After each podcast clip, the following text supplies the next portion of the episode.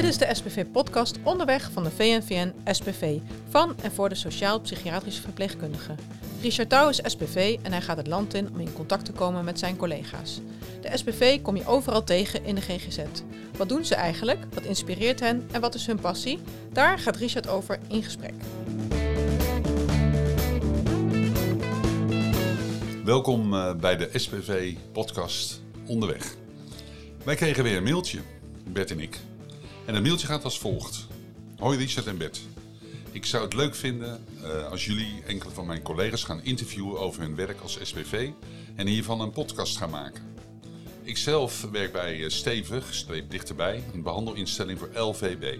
Wij werken in Limburg, Oost-Brabant en een klein stukje Zuid-Gelderland. We hebben zes polies en ambulante teams. En in Oostrum, dorpje bij Venray, een kliniek. Maar ja, die is verplaatst naar een vraagteken.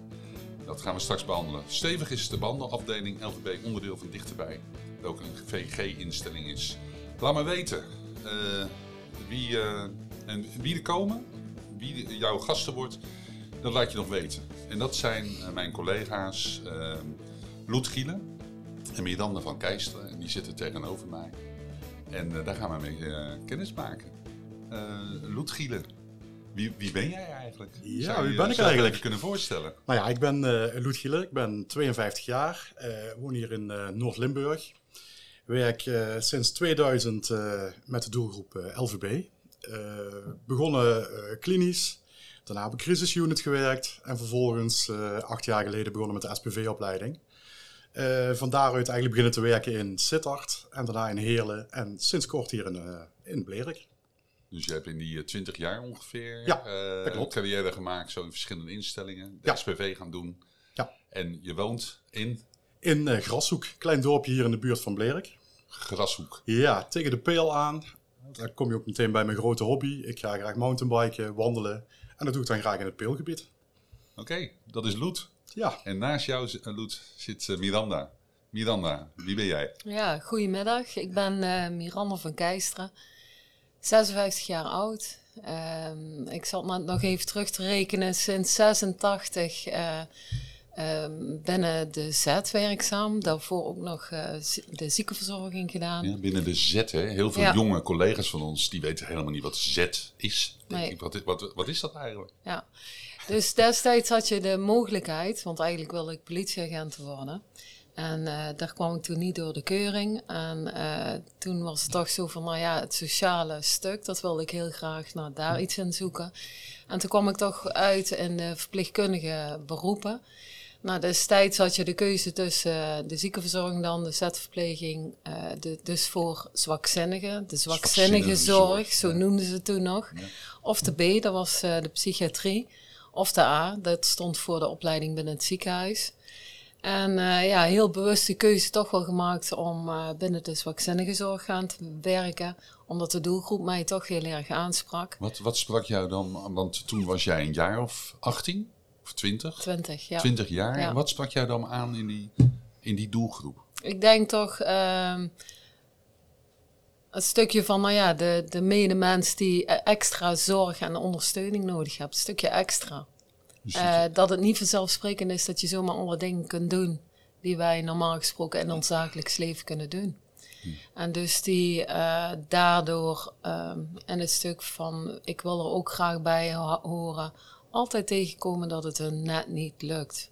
En dat vind ik wel echt eh, voorop staan voor onze doelgroep. En willen gewoon graag zijn zoals ieder ander mens. En Ja. ik noem al het woordje gewoon. Maar in feite is, is dat de kern. Ze willen er gewoon bij horen, ook een eigen regie behouden. En ehm, ja, dan zien dat het net niet lukt om bij een groep aan te sluiten. Net niet lukt om werk te kunnen krijgen. Ja. Net niet lukt om je financiën op orde te houden. Maar ik ben gewoon mens, net als jij. En nou, help mij daarin. Help mij. Ja, Om en dat ben je wel- blijven doen eigenlijk. Hè? Ja. En, en later ben je wel de SPV-opleiding gaan doen. Ja. Wat maakte dan eh, dat je vanuit deze doelgroep, de LVB had je duidelijk voor gekozen, Z-opleiding gaan doen. Mhm. Wat maakte dat je de SPV-opleiding ging doen? Ik ben eh, terechtgekomen eigenlijk na de opleiding eh, binnen de opname voortgezet behandelafdeling. Ook wel altijd met de deur ehm, achter je op slot doen. Dus dat was best nog wel ehm, beheersend werken. Dus bepalen voor eh, mensen of dat ze één of drie of misschien wel tien sigaretten op een dag mochten hebben of eh, twee of vier boterhammen. Van die tijd ben ik dan. Separaties die er nog waren. dus heel veel ontwikkelingen daarin meegemaakt. En ehm, op een gegeven moment ook kreeg ik de kans af, ja, om ambulant te gaan werken. Dus ook al een uitstap gemaakt naar uh, de reguliere GGZ. Dus uit de klinieken weg? Ja, uit, uit de klinieken weg. En toen uh, het ambulante stuk dat ik dacht, wow. En dat is hoe ik nog liever wil gaan werken. Het ambulante werk. En daar paste de SPV bij? Ja, en toen kreeg ik vanuit Stevig de kans om de SPV-opleiding aan te doen. Ja, vanuit SAFE, dat was toen de instelling, zoals die heette, waar jij wer werkzaam bij was. Stevig. Oh, stevig. Ja. Oh, ik stond ja. het verkeerd. Ja. Oké. Dus ondertussen was Spraland, um, had zich ook wat ontwikkeld. En daarover kan, ja, Loet, kan jij eigenlijk dadelijk ook nog een heel mooi stuk uh, vertellen. Wat een mooi bruggetje naar ja. stevig. Wat, nou is, uh, wat is uh, de instelling Stevig? Ja, eigenlijk wat je net al aangaf. Hè. Stevig is een onderdeel van Dichterbij. Dichterbij is een grote woonorganisatie, zorgorganisatie voor mensen met een verstandelijke beperking die eigenlijk vooral uh, gevestigd in Limburg, Brabant en een deel van Gelderland. Nou, Stevig is de behandeltak van. Uh, en wij richten ons vooral op de behandeling van mensen met de SGLVG-doelgroep. Uh, nou ja, het is een doelgroep mensen die lichtverstandelijk beperkt zijn en vaak in combinatie met psychische en of gedragsproblemen. Uh, en al dan niet in aanraking gekomen zijn met justitie. Dus ja, onze doelgroep is gewoon heel breed. En wat Miranda zei, de oorsprong ligt op de kliniek. Dus uh, vroeger was vooral uh, behandeling vooral klinisch. Uh, en Stevig is zich steeds meer gaan ontwikkelen om het ambulant te gaan doen. Omdat wij inderdaad zien mensen te behandelen in een eigen omgeving vaak veel betere effecten. Ehm, ja, en, en, wat dat betreft zijn we wel heel erg gegroeid. Waar we vroeger een opnameafdeling hadden, hebben we nu ook een forensische afdeling. Hebben we ook een grote crisisafdeling. Uh, die zijn we wel steeds gaan afbouwen, waardoor we op dit moment uh, zes ambulante uh, behandelafdelingen hebben. We zitten op dit moment zitten wij in Nijmegen, in Tilburg, Eindhoven, Sittard, Heerlen en onze laatste nieuwe poli hier in, in Blerik. Oké. Okay. Ja. En ehm, steeds meer naar het ambulante, het klinische steeds meer afbouwen, ja. klinische plekken. Ja. Hoeveel hebben jullie er nu nog in uh, bij Stevig? Op, dit moment hebben we 18 uh, reguliere uh, behandelplekken en we hebben 32 forensische behandelplekken. En dat is eigenlijk ook nog een gesloten FPA. En, en als, als ik het goed begrepen heb, is het vanuit het dorpje bij Venray. Ja, dat klopt. Is het overgeplaatst naar hier, ja. waar we nu hier zitten? Nou ja, eigenlijk ook meer om los te komen van de kliniek. We zaten in Oosterum, daar hadden we een poli, die ligt vlak bij de kliniek. En wat je dan ziet, is dat je toch steeds meer gebruik gaat maken van de kliniek. Door zeg maar een stukje verder te gaan, eh, worden we er ook eigenlijk op gewezen van... hé, hey, wij zijn zelfstandig en we hebben eigenlijk steeds minder verbinding met de kliniek. Dus we zijn wat dat betreft, werken we nu, zoals alle andere polies, ook echt ambulant en los van de kliniek. En dat, en dat lukt ook om uh, minder van de kliniek gebruik te maken, eigenlijk door gewoon de afstand die je gecreëerd hebt. Ja. En daarbij, het is ook, ook een, een, een tactische keuze. We zitten hier in een, een groot gebied van Blerik, waar gewoon heel veel cliënten zitten. Wat het ook makkelijker maakt om cliënten naar de poli te laten komen. Uh, Oostrom is toch van hieruit een half uur reizen. En als ik kijk dat wij 80% van onze cliënten toch in, in een straal van 10 kilometer rondom de poli hebben, is dit gewoon tactisch een hele goede plek. Ja, en als je dan uh, naar uh, behandelen kijkt, hè, voor de LVG uh, eh, beroepsgroep ja. of doelgroep. Ehm, wat, wat doe je dan als SPV? Je hebt allebei de SPV-opleiding gedaan. en behandelen en begeleiden, wat, wat ik ook bij de doelgroep LVB dan denk je al snel vanuit de volksmond misschien meer begeleiding uh, is. Mm -hmm. wat, wat doen jullie van, als SPV uh, uh, vanuit de behandeling? Wat, wat is het aanbod daarvoor, Miranda? Ja, natuurlijk hebben we ook van tevoren wat specifieker gekeken. Zo van, nou ja, wat, wat doen wij daarin meer? Voorheen was vooral ook binnen dat klinische stuk dat je... dat je echt meemaakte dat mensen blij waren dat bijvoorbeeld een cliënt binnen de kliniek opgenomen kon worden. En ze even de zorgen voor die cliënt uh, los konden laten, dat de, dat de behandeling daar plaatsvond. Nu zien we veel meer en proberen we ook echt in het ambulante stuk daar naartoe te werken, dat we een systeem erbij betrekken. Dat we juist kijken, hé, hey, wat is de context waar een cliënt dus woont, misschien wel al in werkt. Of, maar wie, wie zijn de betrokkenen in het systeem van uh, de cliënt? Omdat we uh, heel goed weten van we kunnen hier binnen de poli wel een bepaalde behandeling bieden. Maar juist binnen die context, daar zal hij uh, het moeten doen. En met de ondersteuning van de mensen, omdat het meestal wel zo is dat ze die ondersteuning nodig hebben en ook wel langduriger nodig blijven houden. Ja. Dus eigenlijk in plaats van uh, degene die eigenlijk ontspoort, of hoe je het ook ziet, niet meer thuis kan zijn, was de kliniek er mm. om even de rust te bieden, mm. ook aan het systeem. Ja. Maar eh, dan kwam uh, degene, de zoon of dochter of de echtgenoot, die kwam weer terug. En dan begon het hele plaatje Klopt. weer opnieuw. Klopt. Dus nu om vanuit de maatschappelijke, de sociale context te gaan kijken, als SPV ook. Uh, dan, dan, kun je veel beter systemisch werken, in de buurt werken. Om daar nou, het voordeel te zien en ja. te gebruiken. Ja. Nou, als ik kijk naar ons behandelmodel, want je vroeg eigenlijk wat het specifieke aandeel van de SPV is. Ja. Eigenlijk iedere behandeling start met het eerste contact met een SPV.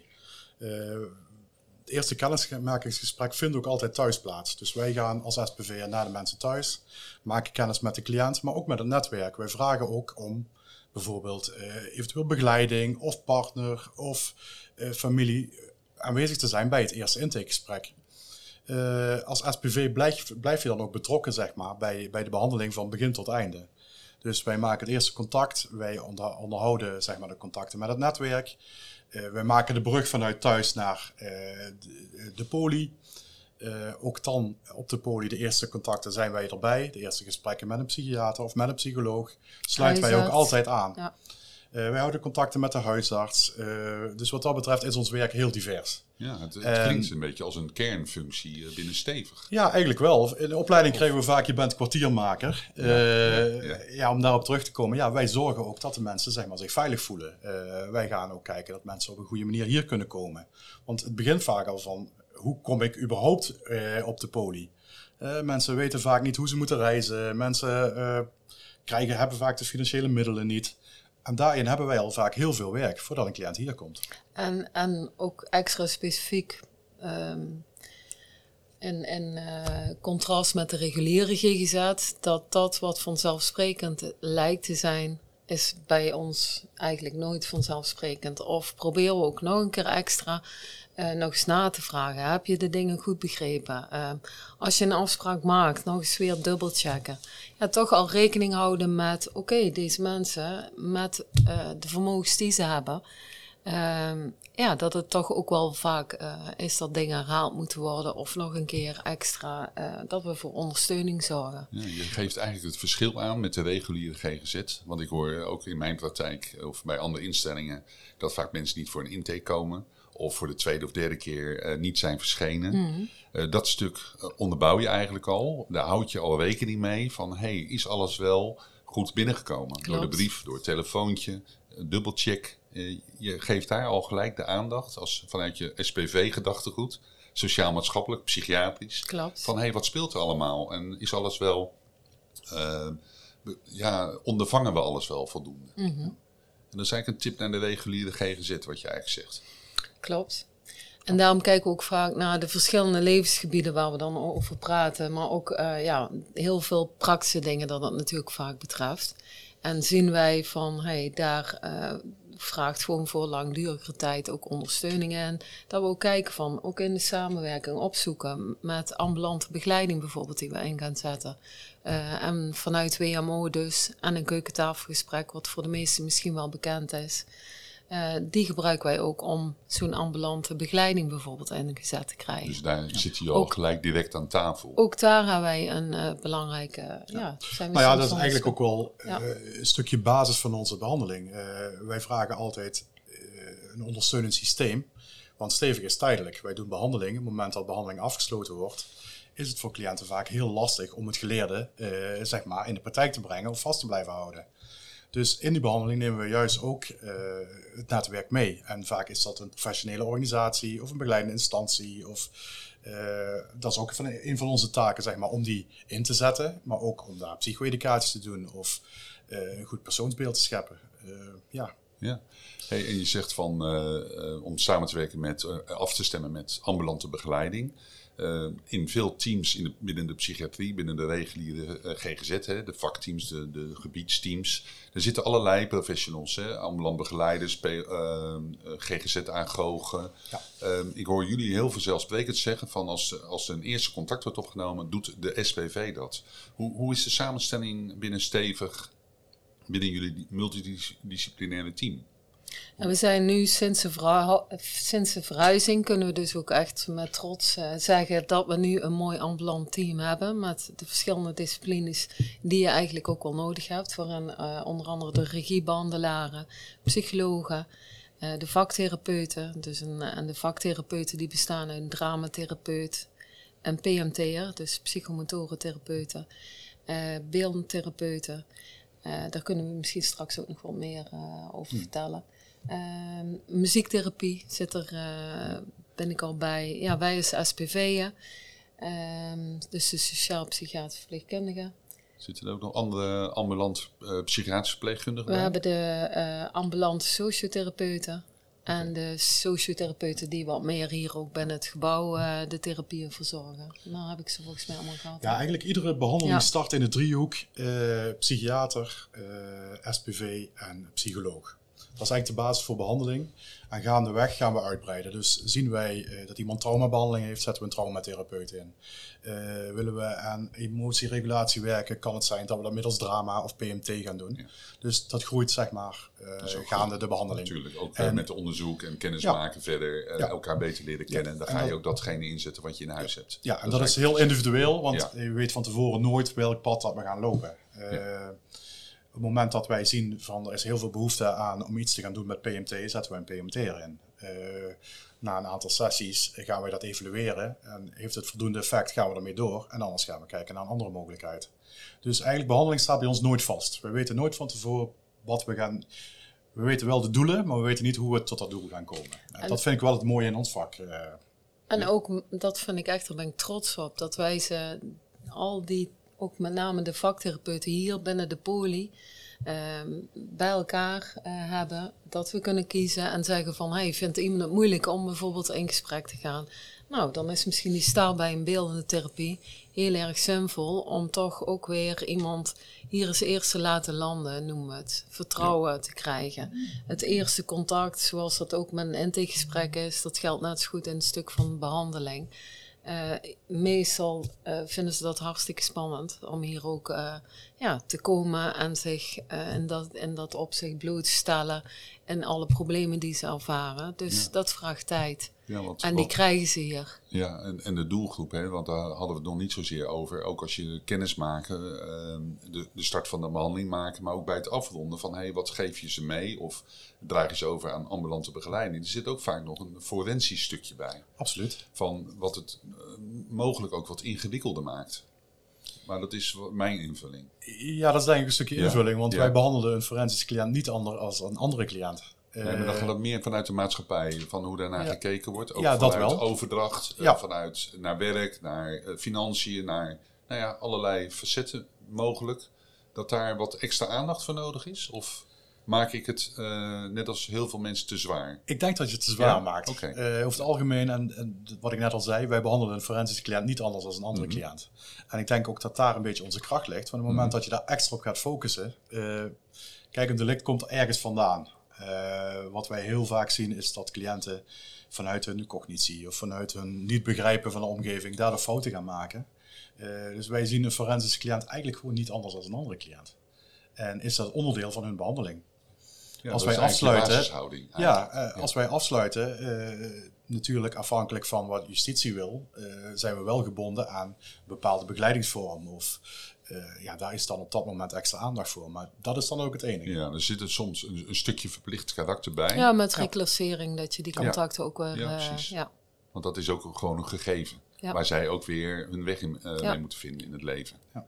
En, en wat, wat bijzonder was, hè, toen wij, wij hebben een rondleiding van jullie gekregen, van ook al die vaktherapeuten. We, we zitten in een nieuw gebouw voor jullie. En daarbij valt mij op dat jullie het enorm belangrijk vinden om aan jullie cliënten, aan jullie doelgroep, hè, LVB, om gewoon datgene te bieden waar ze recht op hebben. Uh, dat ze ergens een prettige omgeving, binnen een prettige omgeving behandeld kunnen worden. Dat ze zich veilig kunnen voelen. Wat, wat, wat zou jij daarover kunnen zeggen, Miranda? Ja, Hoe belangrijk dat is? Dan sluit er nog één ding eh, bij aan, van dat ze zich gezien voelen. Mhm, gezien van- Want ja. ergens raakt je straks de kern. ehm, en eh, op het moment dat ze hier dus ook binnenkomen, eh, dat we gedurende ook het traject van de behandeling er pas achter komen hoe complex vaak de problemen zijn waar ze mee te dealen hebben. En dat het als een oorsprong vindt, vaak in een ver, ver jeugdverleden, waarin dingen zijn gebeurd, dat ze net geen eh, bijvoorbeeld aansluiting konden vinden bij de klasgenootjes. Op, en dan soms begint dat al op een peuter- of een kleuterschool.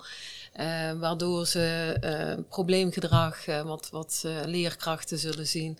Eh, waardoor soms de keuze gemaakt moet worden dat ze al naar een, ander, eh, een andere school moeten gaan, speciale onderwijs. Dus ze zijn al anders dan anders. Eh, het misbruikstuk wat heel vaak meespeelt, dus kwetsbaar zijn en misbruik. En dan misbruik kan op allerlei gebieden ingevuld, of manieren ingevuld worden, maar ook seksueel misbruik. Maar ook ja, dat ze vaak veel meer te maken hebben gehad met bepaalde vormen van verbale of fysieke agressie, wat we vaak zien.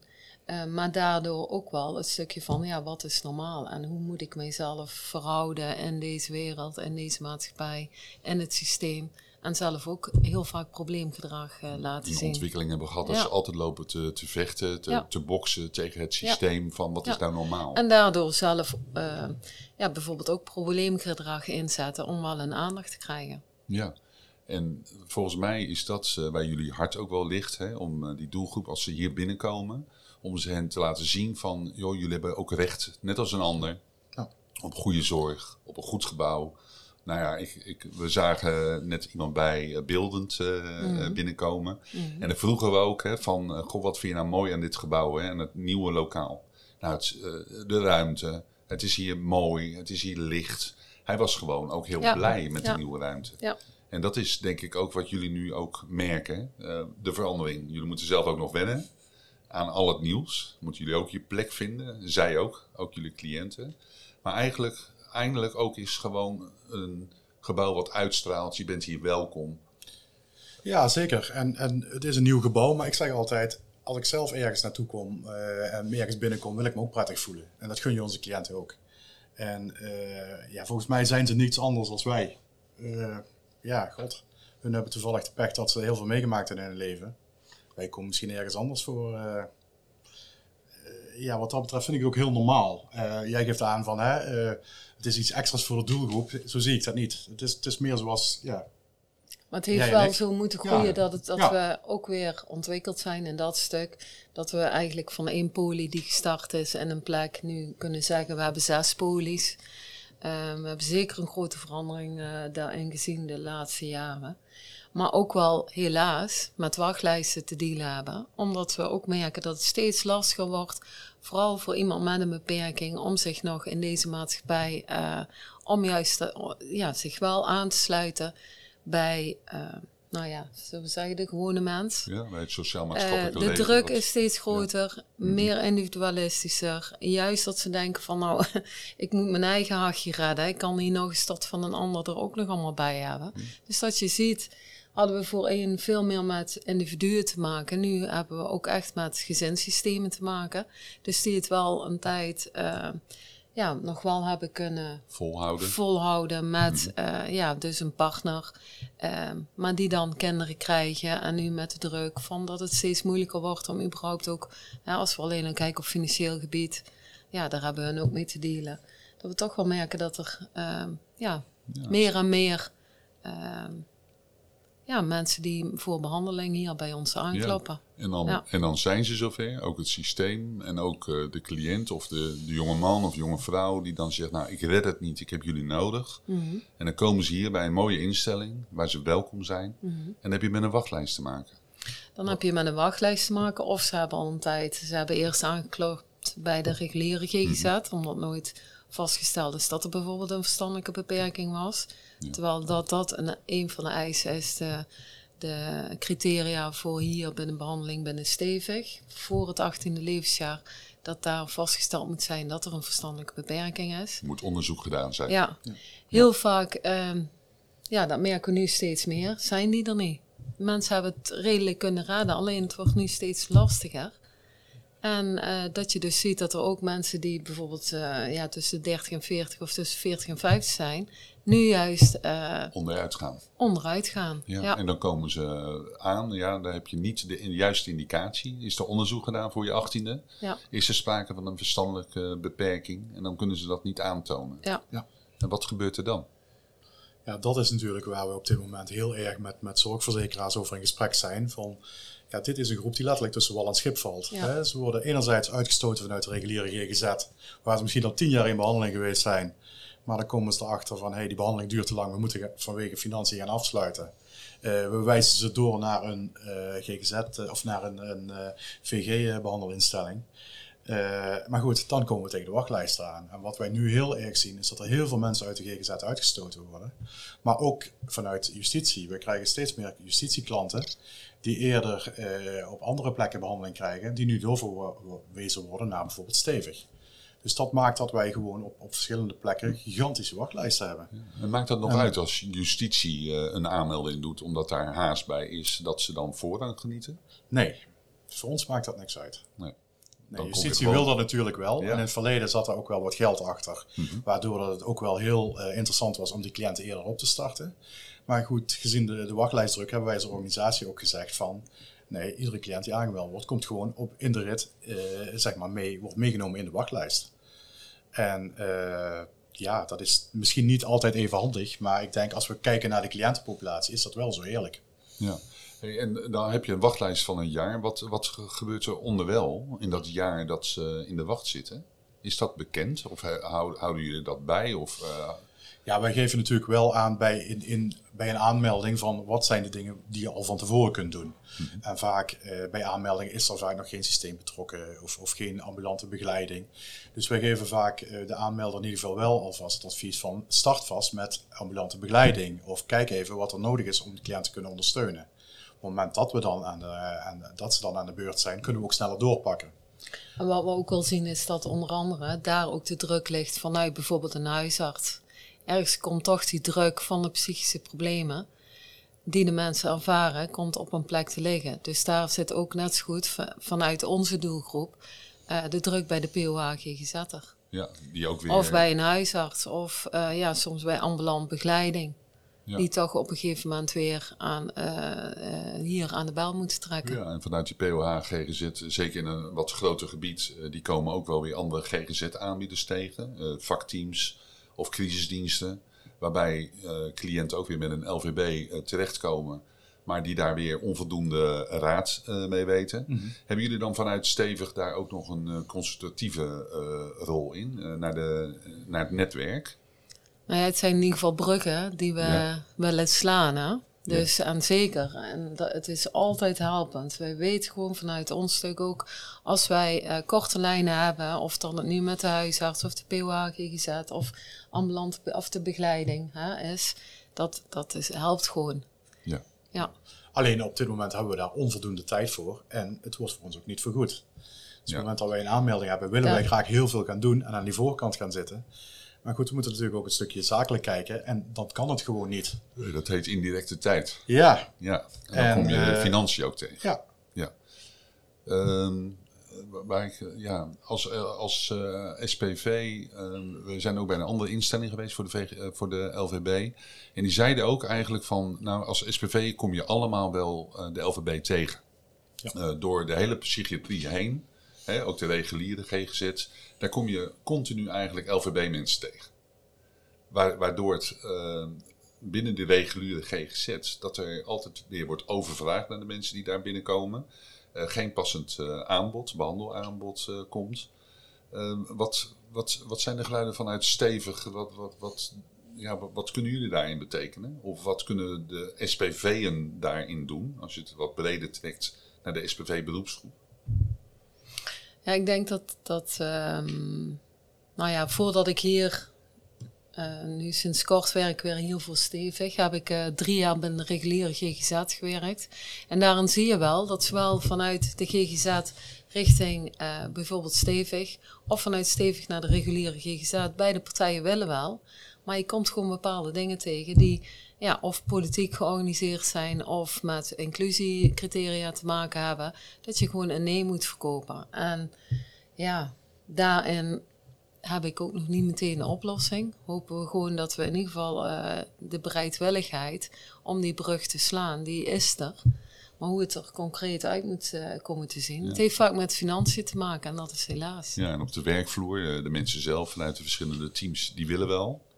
Maar je moet ook de tijd voor hebben. Nou, we hebben bijvoorbeeld wel ook een echte eis zo van uh, nu met een open dag uh, allerlei uh, ketenpartners aanschrijven. Gewoon laten zien wie zijn we, wat kunnen we bieden.